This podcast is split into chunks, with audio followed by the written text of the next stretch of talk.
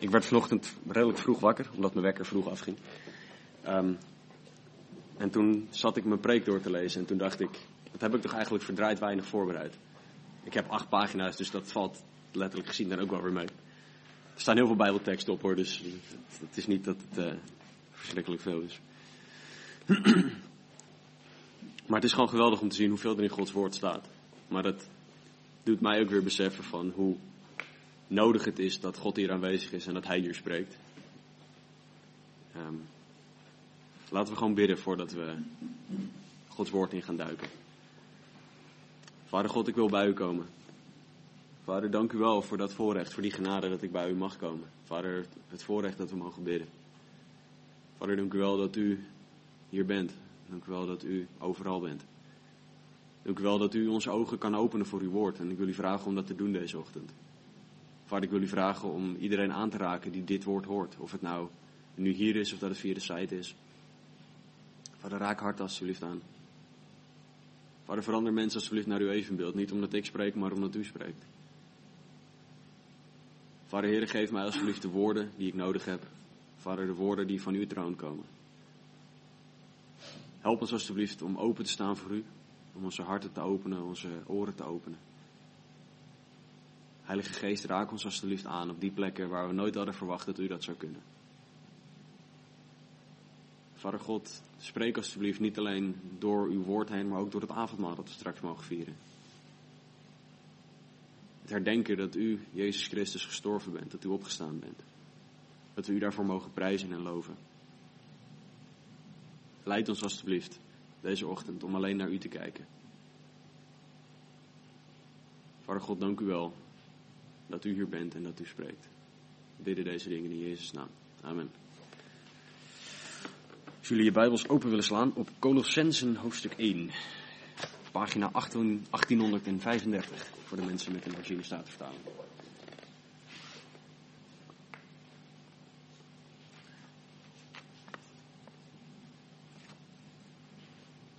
We gaan vanochtend kijken naar uh, vijf versen. Colossense 1, vers 9 tot en met 14. We gaan, uh, ja, we gaan zien wat de, de, reactie van Paulus is op het horen van een, een medebroeder over de kerk in Colosse. Paulus die heeft Epaphras, een, uh, een medebroeder, heeft hij naar Colosse gestuurd. Die is teruggekomen en die heeft, die, die heeft dingen verteld. Een aantal van de dingen die hij verteld heeft, is dat er heel veel liefde is in de gemeente in Colosse. Dat is te zien in vers 4 en 8 van hoofdstuk 1. De liefde die van God komt, die is duidelijk aanwezig. De, de genade die van God komt, zoals Paulus duidelijk maakt in vers 6. Het is door, door de genade van God dat deze gemeente die liefde heeft. Dat deze gemeente die liefde uit kan stralen. Dat deze gemeente liefde heeft in de geest. Liefde in de geest van God. En nadat hij al deze dingen gehoord heeft, nadat hij gehoord heeft hoe deze gemeente bezig is, wat deze gemeente heeft, volgt daar een respons van Paulus op. Hij begint in vers 9 met het woord daarom. En dat duidt erop dat er iets voorkwam, namelijk de liefde die de gemeente in de geest had. De liefde die duidelijk aanwezig was. En hij heeft dit gehoord en daarom begint hij in vers 9 met daarom houden wij, houden ook wij niet op vanaf de dag dat wij het gehoord hebben, voor u te bidden en te smeken, dat u vervuld mag worden met de kennis van zijn wil, in alle wijsheid en geestelijk inzicht, zodat u wandelt op een wijze, de Heere waardig, hem in alles behaagt, in elk goed werk vrucht draagt en groeit in de kennis van God. Terwijl u met alle kracht bekrachtigd wordt, overeenkomstig de sterkte van zijn heerlijkheid, om met blijdschap in alles te volharden en geduld te oefenen Daarbij danken wij de Vader die ons bekwaam heeft gemaakt om deel te hebben aan de erfenis van de heiligen in het licht. Hij heeft ons getrokken uit de macht van de duisternis en overgezet in het koninkrijk van de Zoon van zijn liefde. In Hem hebben wij de verlossing, door Zijn bloed, namelijk de vergeving van de zonde.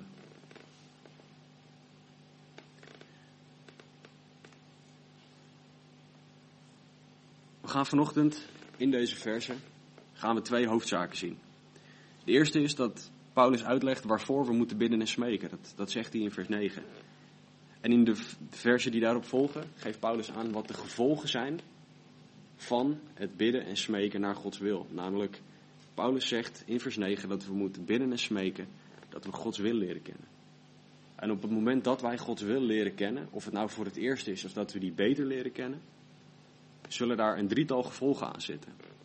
Het, eerste gevolg van Gods wil beter leren kennen is dat we zullen wandelen op een, op een wijze de Heer waardig. Dat staat in vers 10. Vers 11 zegt dat we met alle kracht bekrachtigd zullen worden. Om met blijdschap in alles te volharden en geduld te oefenen. En vers 12 tot en met 14 geven aan dat wij God zullen danken. Omdat God ons getrokken heeft uit de macht van de duisternis en overgezet heeft in het koninkrijk van de zoon van zijn liefde. Dat zijn allemaal dingen die gevolgen zijn van Gods wil leren kennen en Gods wil beter leren kennen.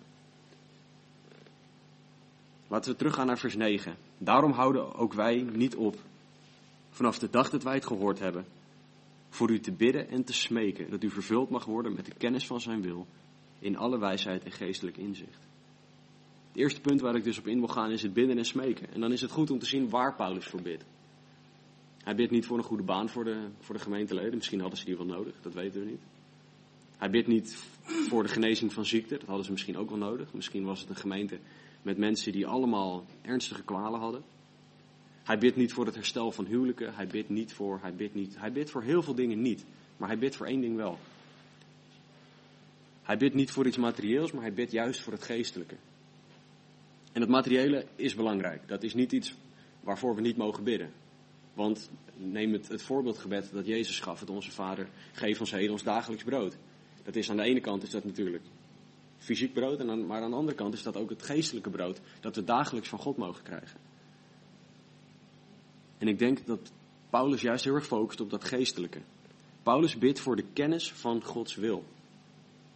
Kennis van de wil van God. Dat, dat is niet zomaar iets. Dat is iets wat God aan ons moet openbaren.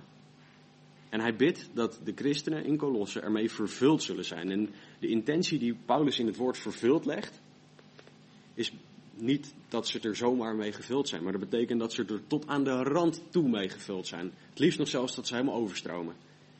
Dat ze compleet worden gemaakt, dat ze perfect worden gemaakt. Door de kennis van zijn wil. Ze worden vervuld, ze worden compleet gemaakt, ze worden perfect gemaakt door de kennis van Gods wil. En tegelijkertijd hoort bij dit woord niet alleen maar dat het iets passiefs is, dat je zit en dat iemand iets in je aan het gieten is.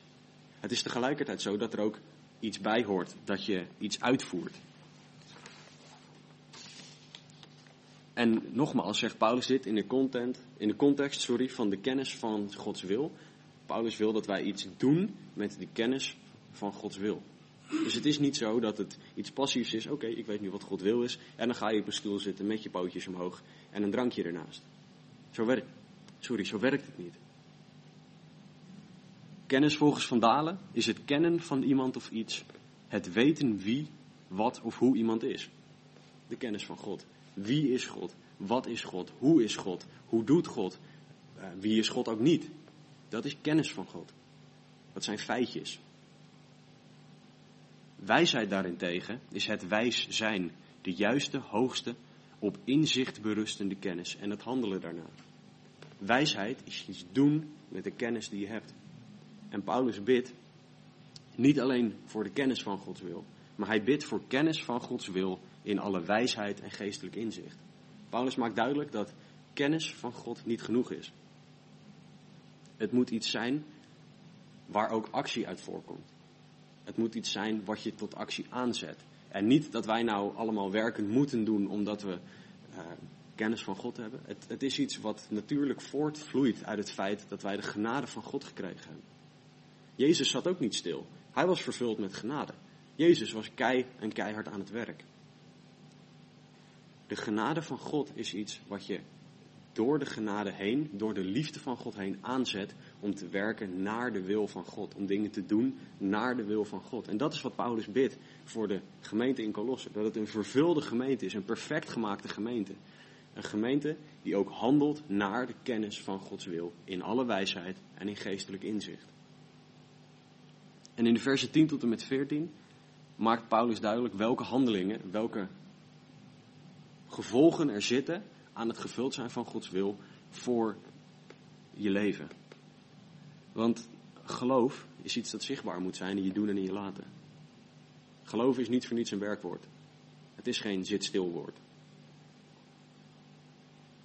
Jacobus zegt in, in hoofdstuk 2, vers 17: Zo is ook het geloof, als het geen werken heeft, in zichzelf dood. Als je geen werken hebt naar je, het geloof wat je zegt dat je hebt, heb je een dood geloof. Het is nogmaals niet zo dat wij ons nu zelf nu voorbij moeten rennen omdat we maar willen werken, omdat we maar willen werken, omdat we maar willen werken. Maar vanwege de genade zullen wij aangezet worden door God, omdat we weten wie God is, om werken te doen naar de wil van God.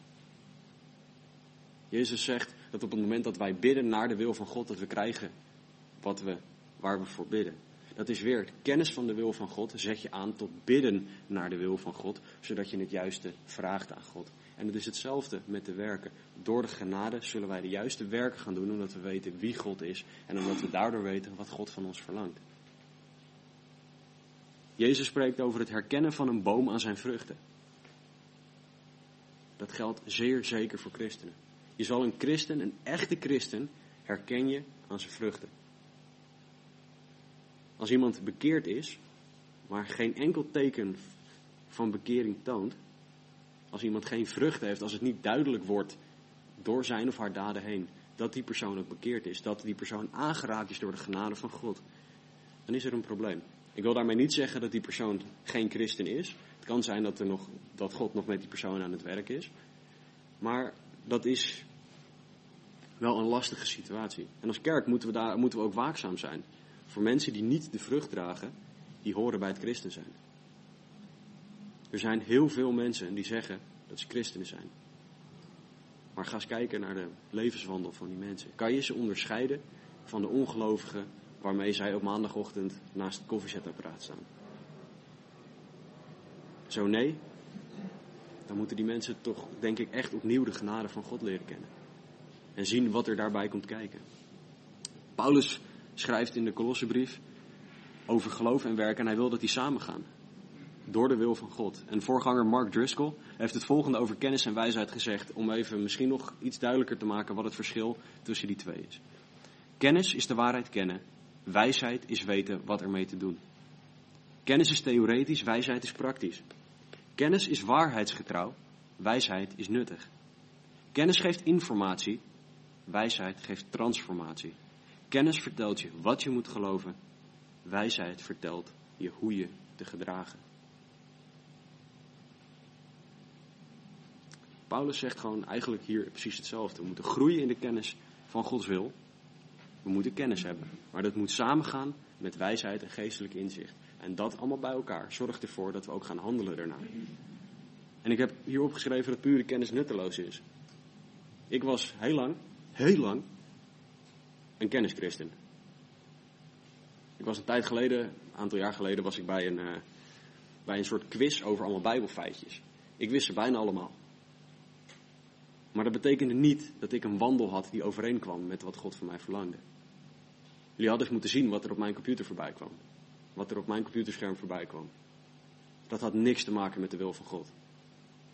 Dat had alles te maken met mijn zonde, met mijn vlees, waar ik niks tegen aan het doen was. Ik had, ik had heel veel kennis. Ik kon alle juiste antwoorden kon ik opdreunen. Allemaal. Alleen ik had geen juiste wandel. God is met mij aan de slag gegaan. En ik zeg niet dat ik er nu ben.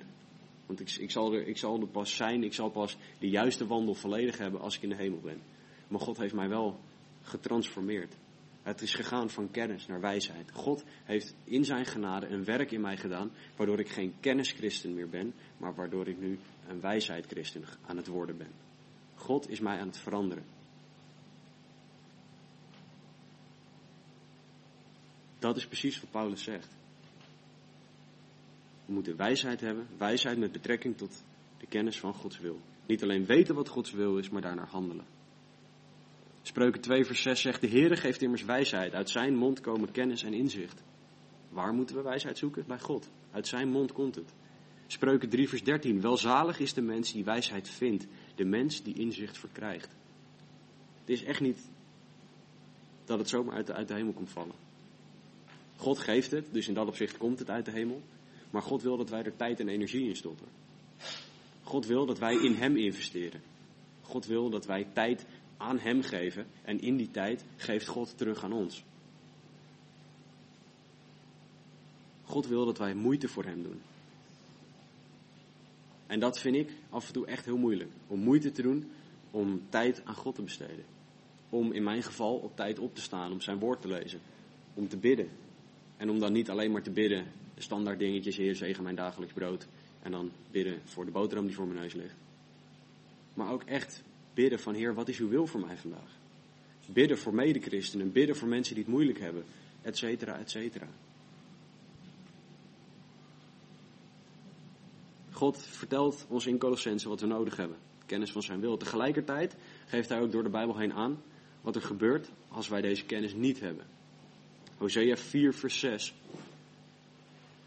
Daarin spreekt God tegen de priesters van Israël. God zegt: Mijn volk is uitgeroeid omdat het zonder kennis is.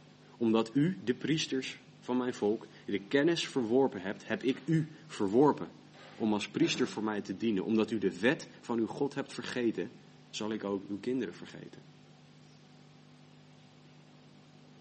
God spreekt nogmaals dat de priesters van Israël, dat zijn de mensen die God horen te dienen, die horen te weten wie God is.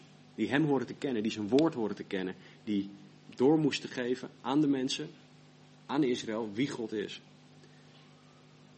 Nou, waarom haal ik dit aan? Omdat volgens 1 Petrus 2 wij, de volgers van Jezus Christus, ook priesters zijn. En dus gaat dit ook over ons, wat Hosea schrijft. We moeten de wet van God kennen. We moeten God leren kennen. We moeten God beter leren kennen. Anders lopen we de kans dat als wij God niet kennen, geen onderdeel zijn van zijn koninkrijk. Ik wil nog, ik wil, laat ik even heel duidelijk maken dat, het niet zo, dat dit niet betekent dat wij morgen de Bijbel uit ons hoofd moeten kennen. Of volgende week, of volgend jaar, of wat dan ook. Dat is niet wat God zegt. Ook is het niet zo dat we allemaal moeten kunnen preken zoals Bill vorige week deed. Het zou heel leuk zijn als we dat allemaal kunnen. Maar dat is niet wat God zegt. Wat God zegt is dat Hij wil dat wij tijd apart zetten om Hem te leren kennen. Dat wij tijd apart zetten om tot Hem te bidden. Om, om in Hem te investeren, om te zien wie Hij is. Hoe leer je je vrienden kennen? Hoe heb ik Amit leren kennen? Door tijd in elkaar te investeren. In het begin investeerde Amit iets meer tijd dan ik. Maar je investeert allebei tijd in elkaar. En daardoor leer je elkaar kennen. Doordat je met elkaar wandelt, met elkaar praat, doordat je gewoon tijd met elkaar doorbrengt, leer je kennen wie de ander is. Hoe de ander is, hoe de ander niet is. En in het geval van God, laat God dan ook zien hoe hij, hoe hij ons wil veranderen en verandert hij ons ook. We hebben nu heel erg gekeken naar wat Paulus bidt voor de gemeente in Colosse. En dan gaan we nu kijken naar wat de gevolgen zijn van het vervuld zijn, het vervuld worden met de kennis van Gods wil. De manier die Paulus gebruikt om de kennis van Gods wil te omschrijven gaat om precieze kennis, correcte kennis. Er zijn heel veel mensen die weten dat er een God is. Er is iets in het universum. Het ietsisme heet dat ook wel, geloof ik. Er is iets en dat, dat, dat doet iets. En daar geloof ik in. Maar dat is geen precieze kennis over wie God is. God wil dat wij precies weten dat Hij de verlosser is, dat Hij de redder is. Jezus zegt, ik ben de weg, de waarheid en het leven. Nou mensen, je hebt, je hebt een weg nodig om ergens uit te kunnen komen. Maar die moet je precies weten. Jezus is onze tomtom. Ik heb de waarheid nodig. Die moet je precies leren kennen. Want anders heb je misschien wel een leugen te pakken. En ik ben het leven, zegt Jezus. Je moet het echte leven wel te pakken hebben. Je moet het waarlijke leven te pakken hebben. Dus we moeten precieze kennis over God hebben. Nogmaals, we hoeven niet de hele Bijbel uit ons hoofd te leren, waardoor wij precies tussen aanhalingstekens kunnen zeggen wie God is. Maar we moeten wel kennis over God hebben die precies is. Jezus zegt over zichzelf, of er wordt over Jezus gezegd, sorry, dat hij de vredevorst is. Dat is iets heel precies over Jezus om te weten en om te leren kennen. Nou, ga zo maar door. De Bijbel staat vol met allemaal eigenschappen van, van God die we mogen leren kennen. Jezus heeft over het leren kennen van God gezegd dit is het eeuwige leven, dat zij u kennen, de enige waarachtige God en Jezus Christus die u gezonden hebt. Johannes 17, vers 3 was dat.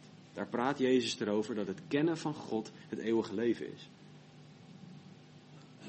Maar hoe kunnen we God en zijn wil dan beter leren kennen? om het even heel praktisch te maken, Johannes 1, vers 1. In het begin was het woord, het woord was bij God en het woord was God. Hoe kunnen wij God beter leren kennen? Dit boek. Bill heeft het al een aantal keer gezegd in de preken die hij gegeven heeft. Ik kan niet genoeg benadrukken hoe belangrijk Gods woord is. Hoe belangrijk het is om te leren kennen wat erin staat. Om te weten wie God is doordat we zijn woord lezen.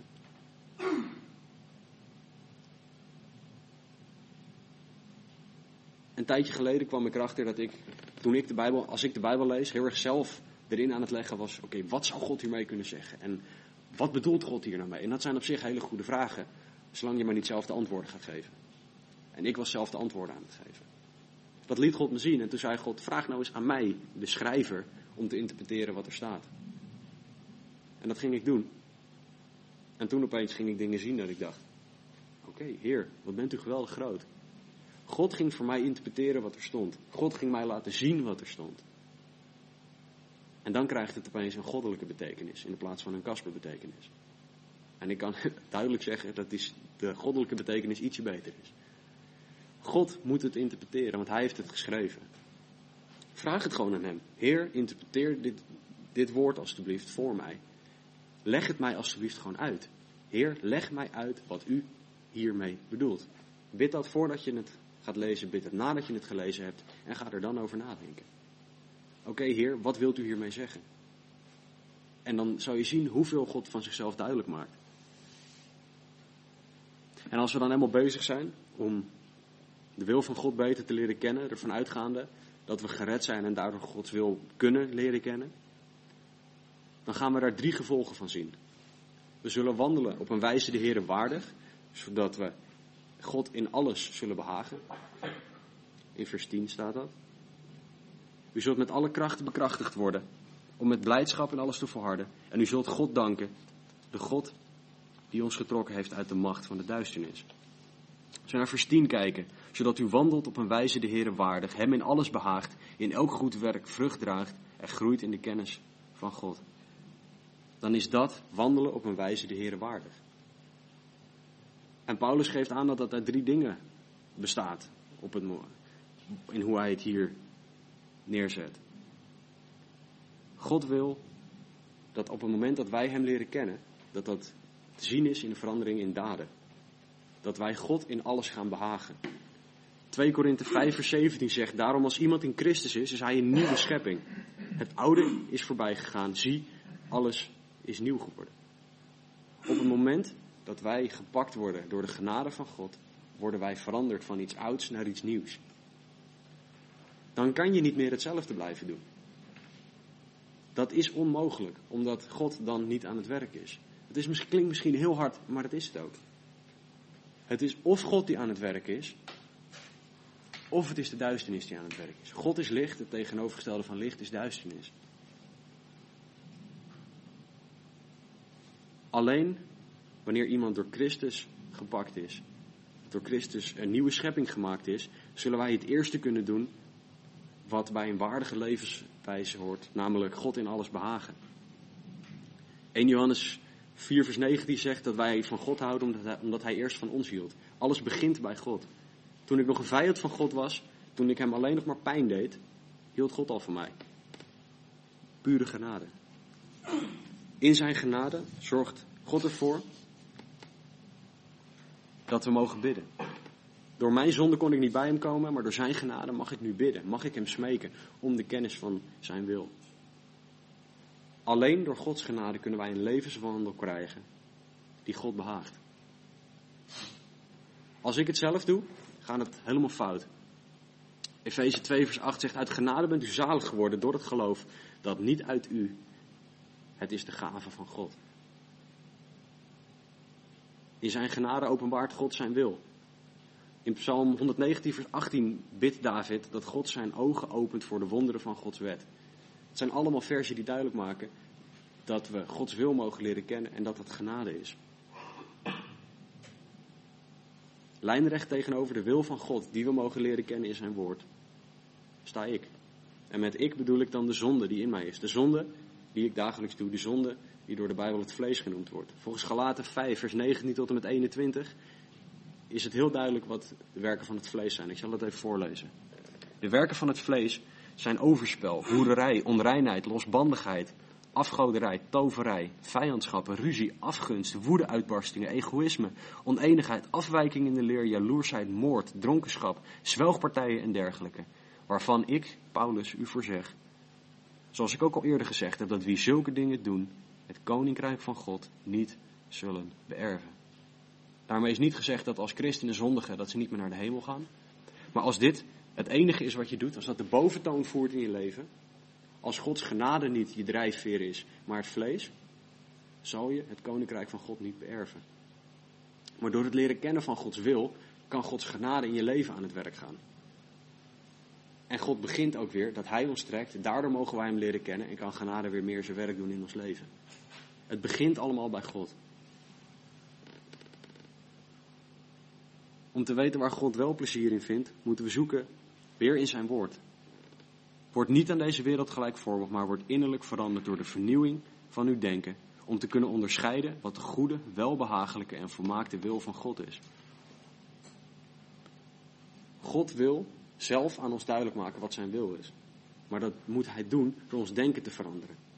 Mijn denken was eerst alleen maar bezig met wat ik net allemaal opnoemde. Die hele waslijst aan dingen, aan slechte dingen. Dat waren mijn gedachten de hele dag. Maar God wil dat mijn gedachten dingen zijn die van Hem uitkomen. God zegt in Leviticus 11, vers 45 dat Hij heilig is. Hij roept ons in Hebreeën op om heilig te zijn zoals God heilig is. Heilig betekent zonder fout, apart gezet. En dat kan alleen door genade, want ik zit vol met zonde. 1 Johannes 1 vers 5 zegt dat God licht is en dat er in God geen duisternis is. De zonde is de duisternis. Ik zit vol met zonde, tenzij Gods genade over mij komt. Alleen door genade, alleen door het offer van Jezus Christus kunnen wij zonder zonde zijn. Kunnen wij licht zijn. 1 Johannes 4 vers 8 zegt dat God liefde is. We moeten in alle tijden dus zelf liefde ontvangen, maar tegelijkertijd ook liefde uitdelen. Ik vind het al moeilijk zat om altijd lief te zijn voor Amit en het lukt me niet. Vraag maar aan Amit, ik ben niet altijd lief voor haar. Gewoon omdat ik dan met mezelf bezig ben. Omdat ik aan mezelf denk. Omdat ik dingen doe die ik wil, niet omdat ik dingen doe voor Amit. Laat staan dat ik dan ook nog liefde moet hebben voor alle mensen om me heen. Hoe onmogelijk is dat? je hebt in dit geval gradaties in onmogelijk en dit is echt de meest grote vorm van onmogelijk. Het, het kan niet dat wij liefde hebben voor iedereen om ons heen. Alleen Gods genade kan dat. Ik heb nu drie dingen opgenoemd die God, waarvan God zegt dat hij dat is. De Bijbel staat er vol mee. Ik heb geloof ik een vijf pagina Word document op mijn laptop staan. Met allemaal Bijbelversen onder elkaar. Waarin God van zichzelf zegt, ik ben dit, ik ben dit, ik ben dit, ik ben dit. En dat is nog niet eens alles, denk ik. Wat God over zichzelf in de Bijbel gezegd heeft. Het is allemaal onmogelijk omdat het goddelijk is. Maar we hebben Gods genade nodig. Het enige is dat we zwak moeten zijn om Gods genade te ontvangen. Op het moment dat ik het zelf denk te kunnen, heb ik Gods genade niet nodig. Vind, denk ik op dat moment. Want ik kan het toch zelf? Waarom zou ik dan iets of iemand nodig hebben? 2 Korinthe 12 vers 9 zegt, maar hij, Jezus, heeft tegen mij, Paulus, gezegd, mijn genade is voor u genoeg, want mijn kracht wordt in zwakheid volbracht. Daarom zal ik veel liever roemen in mijn zwakheden, opdat de kracht van Christus in mij komt wonen. Het is allemaal de kracht van Christus, mijn zwakheid. Op het moment dat ik het niet meer kan, neemt God het over en dan wordt het iets geweldigs. Op het moment dat ik het nog zelf denk te kunnen, op het moment dat ik het nog zelf probeer, zegt God, probeer het maar. Maar dan gaat het ook fout. Of als het niet op de korte termijn is, dan is het op de lange termijn. Gods genade heb ik elk moment nodig. Ik moet me beseffen dat ik zwak ben en dat ik God nodig heb. Dan gaat God in mij aan het werk. Dan zal ik kunnen leven op een manier die God behaagt. Die God leuk vindt, waar God plezier in vindt. En als ik dan eenmaal zwak ben en Gods genade in mij aan het werk is, komen we het volgende gevolg tegen van Gods wil beter leren kennen. Dat is dat we in elk goed werk vrucht gaan dragen, zoals Paulus het noemt. We gaan het tegenovergestelde doen van wat we eerst deden. Ik heb alle werken van het vlees genoemd, alle dingen die God niet behaagden. Als we het tegenovergestelde gaan doen, heeft het ook het tegenovergestelde effect. Om even duidelijk te maken hoe erg de, het vlees is, wil ik Galaten 5 vers 17 voorlezen. Het vlees begeert tegen de geest in en de geest tegen het vlees in. En de geest is dan de heilige geest van God, de aanwezigheid van God op aarde. En die staan tegenover elkaar, zodat u niet doet wat u zou willen. Als ik de werken van het vlees doe, is het per definitie onmogelijk dat ik de werken van God doe. Dat ik de geest van God op dat moment plezier doe.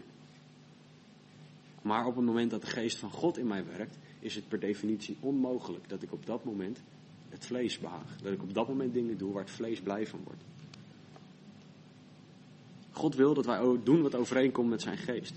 Dat we de dingen doen die bij God horen, bij zijn geest horen, bij zijn genade horen, bij zijn liefde horen. En niet meer de dingen die bij de zonde horen.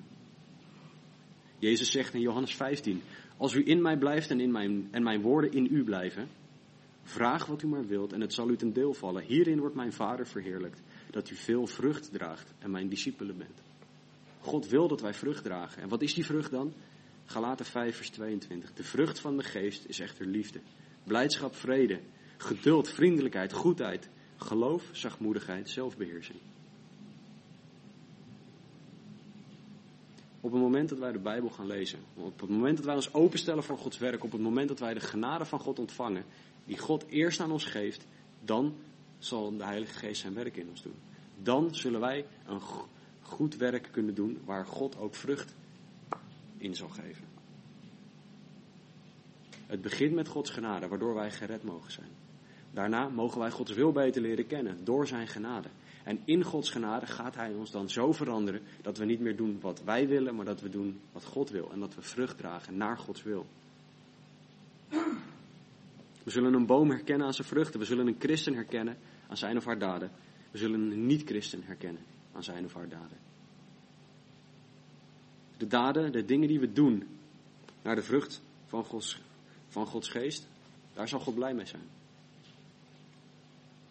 Maar nogmaals, we hebben Gods genade nodig om dat te kunnen doen. Ik heb een hele hoop gezegd. Wat betekent dit nou praktisch? Zoals zo makkelijk om het ook even praktisch te maken. Betekent dit nou allemaal dat wij geweldige preken moeten geven? Dat wij allemaal al onze spullen moeten verkopen en bij de arme mensen moeten gaan wonen om ze te vertellen over wie God is? Charles Spurgeon heeft daar het volgende over gezegd. Vrucht dragen in elk goed werk. Er is genoeg ruimte en er zijn genoeg mogelijkheden. Het gaat namelijk om elk goed werk. Heb je de capaciteiten om het evangelie te prediken? Predik het. Heeft een klein kind troost nodig? Troost het. Kunt u voor duizenden mensen staan en een glorieuze waarheid verdedigen? Doe dat. Heeft een arme heilige een beetje eten van uw tafel nodig? Geef het hem of haar. Laat werken van gehoorzaamheid, getuigenis, overtuigingskracht, barmhartigheid, toewijding en liefdadigheid allen gevonden worden in uw leven. Kijk niet alleen naar de grote dingen alsof die speciaal zijn, maar verhoog de Heer ook in het kleine. Draag vrucht in elk goed werk. We kunnen goed, goede vrucht dragen in alles wat we doen. We hoeven niet à la Billy Graham in een stadion te gaan staan waar 60.000 mensen naar ons zitten te luisteren.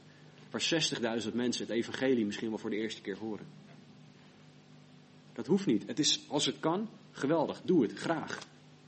Maar Spurgeon noemt hier ook als iemand iets te eten nodig heeft, geef hem wat te eten.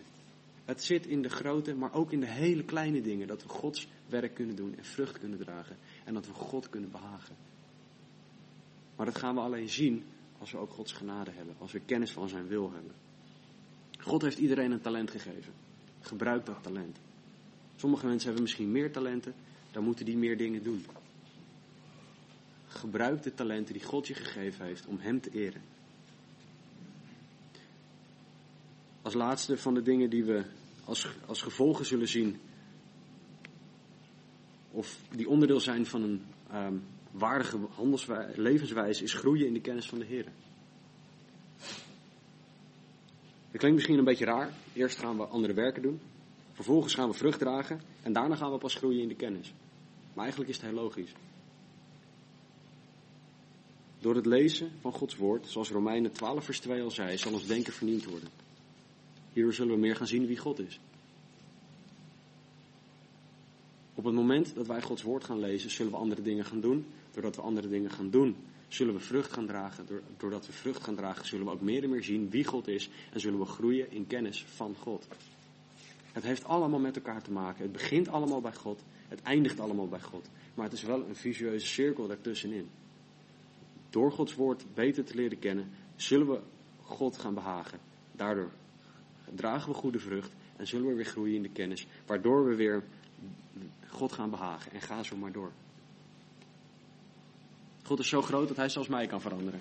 Ben zo'n beetje de grootste knuppel die er hier rondloopt, omdat ik ontzettend koppig ben. Vraag me dan nog niet van mijn ouders. Het kan heel vervelend zijn. Nog steeds. Maar God is zo genadig dat hij mij blijft leiden en mij blijft vergeven. God is zo liefdevol dat hij geduldig blijft met mij. Ook al struikel ik, struikel ik zo vaak als dat ik doe. God is zoveel dingen die ik nog nooit van hem gezien heb. Maar als ik met hem ga wandelen, ga ik dat meer en meer leren kennen. De laatste tijd wandelen Amit en ik vaker en vaker. Soms ben ik te lui om, om te gaan wandelen, soms ben ik te moe. Ook moe is dan hetzelfde aan lui. Um, we wandelen meer. We spenderen meer tijd samen. En wat het mooie is, dat tijdens dit wandelen we zo veel met elkaar praten. Ik leer ook om te luisteren, ik leer om mijn grote mond te houden. Dat is af en toe ook vrij lastig. Maar we praten met elkaar, we luisteren naar elkaar.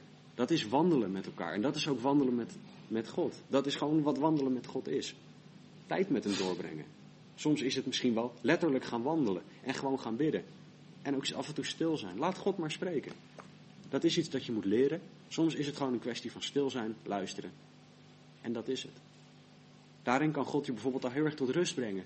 Of kan God ehm, bepaalde ideeën in je hoofd op laten komen. Of ga zo maar door.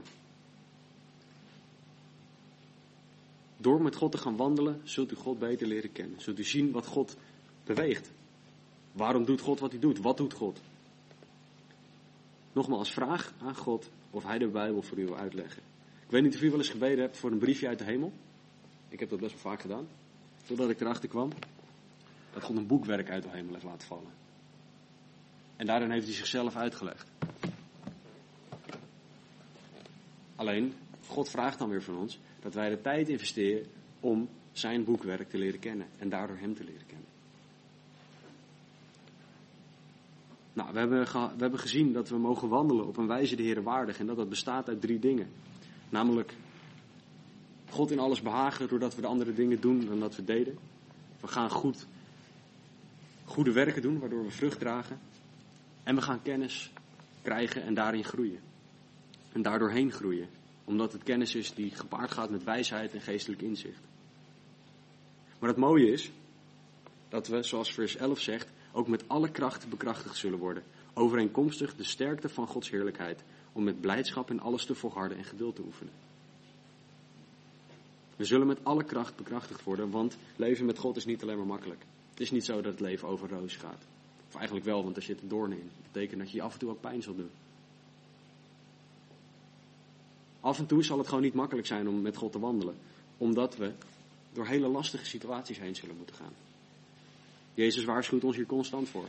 Het is niet zo dat de Bijbel ons iets voorhoudt wat niet, wat niet klopt. Het is niet zo dat Jezus zegt, ga met mij wandelen en je wordt rijk. Dat zegt God niet. God zegt, je wordt rijk in de hemel. Dat is iets heel anders. God is in zijn genade zo liefdevol om ons de kracht te geven die we nodig hebben om door alle situaties heen te gaan. Jezus zegt in Johannes 16, vers 33, deze dingen heb ik tot u gesproken, opdat u in mij vrede zult hebben. In de wereld zult u verdrukking hebben, maar heb goede moed, ik heb de wereld overwonnen. Jezus heeft de wereld overwonnen. Hij geeft de kracht. Alleen, ik moet niet alles zelf willen doen. Ik heb het al genoemd. Als je het zelf allemaal weer doet, dan heb je Gods genade niet nodig. Paulus zei, mijn genade is dat, dat Jezus tegen hem had gezegd dat, dat de genade van God hem genoeg moest zijn. De beproevingen waar elke christen doorheen gaat, zijn goed voor ons. In Jacobus en in 1 Petrus wordt uitgelegd dat de beproeving van ons geloof volharding teweeg brengt en geduld teweeg brengt. We leren erdoor om door te gaan, om vol te houden, om op God te vertrouwen. En ik heb gemerkt dat volharden in het zoeken van Gods wil, volharden in God, dat, dat ik de- deze dingen alleen leer als het moeilijk gaat. Want als het allemaal makkelijk gaat, waarom zou ik dan gaan bidden? Dat is een hele menselijke gedachte. Als het allemaal goed gaat, waarom zou ik dan mijn Bijbel open doen? Ik heb God toch op dat moment niet nodig. Het gaat toch allemaal hartstikke goed. Dat is natuurlijk het ene uiterste. Dat snap ik. Maar het is wel zo dat ik te vaak op deze manier denk. Dat te veel mensen op deze manier denken. En dan kan God juist moeilijkheden in ons leven gebruiken om ons terug te brengen. Psalm 29, vers 11 zegt dat de Heere zijn volk kracht zal geven. De Heere zal zijn volk zegenen met vrede. En de kracht die de psalmist en Paulus bedoelen, is niet kracht om gewoon met een lang gezicht en vol ja, irritatie door situaties heen te gaan. Maar het is kracht om met blijdschap door situaties heen te gaan. Om met blijdschap in alles te volharden en geduld te oefenen. Filippenzen 4:4 worden wij opgeroepen om ons altijd te verblijden in de Heer. Dat betekent niet dat we met een masker op moeten gaan lopen en alleen maar moeten lachen. Omdat het allemaal zo, zo goed gaat. Want we zijn toch allemaal zo blij en het is allemaal zo geweldig. Dat is niet waar. We gaan echt wel een keer door wat moeilijk zijn. Maar we mogen weten dat we gered zijn. We mogen weten dat Gods genade altijd klaar staat. Dat Gods genade er altijd is om ons te redden. Altijd klaar staat om ons vrede en rust te geven wanneer we dat nodig hebben. God zal ons nooit meer verzoeken dan dat wij aan kunnen. Omdat op het moment dat Jezus in ons leeft, we alles aan kunnen. We hebben Gods genade nodig om door alles heen te kunnen gaan. Laten we naar de laatste drie versen kijken. Daar uh, wil ik ook mee afsluiten. Daarbij danken wij de Vader, die ons bekwaam heeft gemaakt om deel te hebben aan de erfenis van de Heilige in het licht. Hij heeft ons getrokken uit de macht van het duisternis en overgezet in het koninkrijk van de Zoon van zijn liefde. In hem hebben wij de verlossing door zijn bloed, namelijk de vergeving van de zonde. Paulus heeft het nu toe gehad over bidden en smeken, over het leren kennen van de wil van God, over de wandel en handel die we moeten hebben, over het feit dat we kracht krijgen van God. En nu gaat hij over dankbaarheid praten. In eerste instantie vond ik het heel apart. Ik dacht, waarom ga ik nu over dankbaarheid hebben? Maar God maakte me duidelijk dat het eigenlijk heel logisch is. Ik werd met mijn neus op de feiten gedrukt. Tijdens alle dingen die Paulus hiervoor genoemd heeft. Tijdens alle goede tijden, tijdens het leren kennen van Gods wil, het dragen van goede vrucht, goede werken. Tijdens de beproevingen, tijdens het leren van geduld en volharding. Moeten we God danken, omdat Hij ons gered heeft. Paulus roept ons op om dankbaar te zijn dat God ons bekwaam heeft gemaakt om deel te hebben aan de erfenis van de Heilige. De erfenis waar Paulus het hier over heeft, is het eeuwig leven. De redding die God ons gegeven heeft. En een erfenis is niet iets waar je iets voor doet. Die krijg je gewoon. Het is genade, het is liefde. Stan heeft ooit een keer gezegd, en dat is me heel erg bijgebleven, dat als God één ding zou doen in de geschiedenis, namelijk alleen ons redden, en hij daarna zijn handen van ons af had getrokken en ons nooit meer met iets had gezegend, hadden wij nog steeds meer dan een eeuwigheid nodig om God te danken. Omdat God ons gered heeft. En dat is wat Paulus duidelijk maakt. Dat we God moeten danken omdat Hij ons gered heeft. Omdat Hij de stap gezet heeft die wij nooit hadden kunnen zetten.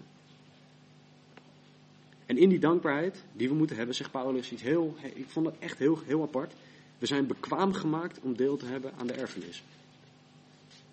Dus we zijn, we hebben de, de capaciteiten, we hebben de mogelijkheden gekregen om iets te doen, om onderdeel te zijn van de erfenis. Dat vond ik heel raar. Wat Paulus hiermee probeert te zeggen, is dat we uitgerust worden met genoeg kracht om de taken uit te voeren. Die horen bij de dankbaarheid van Gods redding. Het feit dat we gered zijn, want nogmaals, dat is waarvoor we dankbaar zijn, betekent volgens Paulus dat er taken aan vastzitten. Dat er verantwoordelijkheid zit aan het feit dat je dankbaar bent voor Gods redding. De taken die wij moeten doen zijn wat hij eerder al genoemd heeft. Leven naar Gods wil, God beter leren kennen, groeien in de kennis van zijn wil. Maar net zo belangrijk is wat Jezus zegt in Matthäus 28, 19. Ga dan heen, onderwijs al de volken en dopend in de naam van de Vader, van de Zoon en van de Heilige Geest, hun lerend alles wat ik u geboden heb in acht te nemen. Naast het feit dat wij zelf een werk in ons krijgen, dat God dingen in ons doet en dat dat, dat zichtbaar moet zijn, mogen wij en moeten wij ook mensen vertellen over wie God is. En ook dat is niet een last die op je schouders hoort te liggen. Maar door de genade van God is dat iets wat je gewoon gaat doen. dan zal je merken dat mensen eigen vragen, ja, waarom ben je zo anders? En dan kan je uitleggen van, nou, God heeft mij aangeraakt, God heeft mij vergeven. En dan kan je getuigen over wie God is. Paulus praat over redding van de duisternis. Over het feit dat we onderdeel mogen zijn van Gods koninkrijk. En Paulus spreekt over redding door het bloed van Jezus. En de redding die Paulus hier noemt, is een redding die niet eenmalig is. Van je bent nu gered, daarna doe je nooit meer iets fout. Of als je nog een keer iets fout doet, nou, dan is het jammer, dan heb je het gehad. Je kans is voorbij. Het is een redding die continu is, die de hele tijd gaande is. Jezus staat dan nu alweer klaar voor de zonde die ik straks en morgen zal begaan. Zijn genade is er de hele tijd en is altijd klaar voor ons. God trekt ons uit de duisternis. Hij trekt ons continu uit de duisternis, omdat ik vaak genoeg terugstap. Elke keer als ik zondig, stap ik uit het licht van God en stap ik de duisternis in. Omdat in Gods licht er geen duisternis kan zijn. En God trekt mij elke keer weer uit die duisternis en redt mij elke keer weer.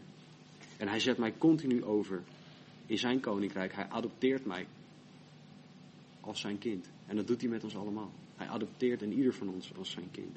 Dat is genade, dat is liefde, dat is Jezus. Ik sloeg God in het gezicht door, door te zondigen.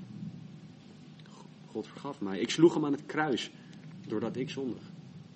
Hij vergaf mij. De God die hemel en aarde gemaakt heeft, de God die oneindig groot is, heeft ons getrokken uit de macht van de duisternis. Dat is genade, dat is liefde. Want het probleem was, wat Jesaja 59:2 zei. Uw ongerechtigheden, uw zonden maken scheiding tussen u en uw God. Uw zonden doen zijn aangezicht voor u verborgen zijn, zodat hij u niet hoort. Het is alleen Gods genade dat onze ongerechtigheden, onze zonden nu weggehaald zijn. En om overgezet te kunnen worden naar het koninkrijk van God, is er één ding dat je moet doen. Je zonde bij Jezus neerleggen, want je zonden moeten sterven. Als zolang je zonden nog leven, zolang je zonden nog toegestaan worden om elk moment te kunnen doen wat ze willen, zonder dat je daar ook maar iets tegenover kan stellen, heb je een probleem. Jezus heeft de prijs betaald waardoor we nu bij hem kunnen zijn. Jezus heeft de prijs betaald waardoor onze zonden vergeven zijn. Dat is het goede nieuws. Het slechte nieuws is dat als u niet gelooft in Jezus, dat uw leven richting de eeuwige afgrond gaat. De Bijbel noemt dat de hel. Alleen Jezus en zijn offer kunnen u weerhouden van de hel. U hebt misschien een goed leven geleid, God wil een perfect leven. U hebt misschien geen grote zonde begaan. De, mensen, de zonde waardoor de mensen, het, waardoor het menselijk ras gevallen is, was het nemen van een hapje, van een, van een vrucht. Dat is de zonde, de allereerste zonde die de mens ooit begaan heeft. Of grote of kleine zonde, het maakt God allemaal niet uit. Zonde is zonde. En we hebben Jezus nodig. God wil perfectie. En dat kan alleen in Jezus, de enige perfecte mens. Als u, als, als jij Jezus niet kent als verlosser en Heer. Als we niet overgegeven zijn aan zijn wil, dan zal God u oordelen naar uw daden, naar de maatstaf van Gods perfectie. Ik weet dat mijn daden het nooit kunnen halen bij die perfecte maatstaf. Maar er is hoop. Als u met uw mond de Heer Jezus beleidt en met uw hart gelooft dat God hem uit de doden heeft opgewekt, zult u zalig worden. Want de schrift schrijft, ieder die in hem gelooft zal niet beschaamd worden. Daarom mogen wij vanochtend ook het avondmaal vieren. Daarom mogen we God dankbaar zijn. Jezus is aan het kruis gegaan. Hij is opgestaan. Jezus heeft al mijn zonden, al jullie zonden op zich genomen. En daarvoor mogen we hem dankbaar zijn. Paulus wil dat wij dankbaar zijn in alles wat we doen. Paulus wil dat we bidden, dat we smeken in dankbaarheid. Paulus wil dat we vervuld worden met de kennis van Gods wil in dankbaarheid vanwege het feit dat we gered zijn. Paulus wil dat we wandelen op een wijze de Heer waardig in dankbaarheid vanwege het feit dat we gered zijn. Paulus wil dat we, met, dat we weten dat terwijl we met alle kracht bekrachtigd worden die we nodig hebben, dat terwijl we alle kracht krijgen die we in elke situatie nodig ook maar kunnen hebben, dat we dankbaar zijn naar God toe, omdat Hij ons gered heeft. Laten we bidden en laten we God danken vanwege het feit dat Hij ons gered heeft. Vader God, ik wil u loven, ik wil u prijzen. Vader God, ik wil u aanbidden vanwege het feit dat u ons gered hebt. Vanwege het feit dat u, Jezus Christus, vrijwillig naar de aarde gekomen bent. Dat u vrijwillig al uw goddelijkheid afgelegd hebt om mens te kunnen worden. En dat u het onbegrijpelijke deed, namelijk God en mensen gelijk zijn. Dat u het onbegrijpelijke deed, namelijk aan een kruis gaan hangen. Voor mij. Dat u ervoor gezorgd hebt dat ik weer bij u kan komen. Dat ik überhaupt bij u kan komen. Almachtige God, Almachtige Vader, ik wil u danken. Danken voor het feit dat u zo groot bent. Dat u deze dingen voor mij gedaan hebt. Help ons alsjeblieft om in dankbaarheid naar u te leven. Om in dankbaarheid naar u te wandelen. Om in dankbaarheid naar u een levensstijl te hebben die anders is dan de wereld. Die niet meer doet wat het vlees wil, die niet meer doet wat de zonde wil, maar dat we doen wat u van ons verlangt. Dat we in uw vrucht zullen wandelen. Dat we zullen wandelen naar de vrucht van de geest, namelijk de liefde. En dat daar blijdschap, vrede, goedheid, trouw, al die dingen bij komen kijken. Dank u wel, Almachtig God, dat we in uw naam hier mogen zijn. Dank u wel dat Jezus Christus, dat we mogen weten dat u, voordat u richting de Leidensweg ging, dat u het laatste avondmaal ingesteld hebt. Als een herinnering aan uw offer. En we willen deze ochtend ook gewoon denken aan uw offer. We willen u loven, u prijzen, omdat u God bent. Verander alstublieft onze harten waar dat nodig is. Vader, geef ons alstublieft dat hart van vlees en bloed waarover u spreekt in uw woord. Zodat we niet meer een hart van, van steen hebben. Vader, maar leid ons alstublieft om alleen die dingen te doen die u van ons verlangt. Vader, heren, help ons alstublieft om de mensen om ons heen te vertellen over wie u bent. En dat dat niet een krampachtig iets moet zijn, maar dat het juist vanuit uw genade kan. Vanuit het feit dat u uzelf uitgestort hebt. Dat we mogen weten dat u God bent. En daardoor mensen mogen vertellen over wie u bent. Vader God, ga alsjeblieft in ons hart aan de slag, Vader, waar dat nodig is, voordat we avondmaal kunnen vieren. Vader, help ons alsjeblieft om te beseffen wat het avondmaal betekent. Help ons alsjeblieft om u te zien voor wie u werkelijk bent. O machtige koning, raak ons alsjeblieft allemaal aan. We hebben u nodig. Vader, dank u wel. Amen.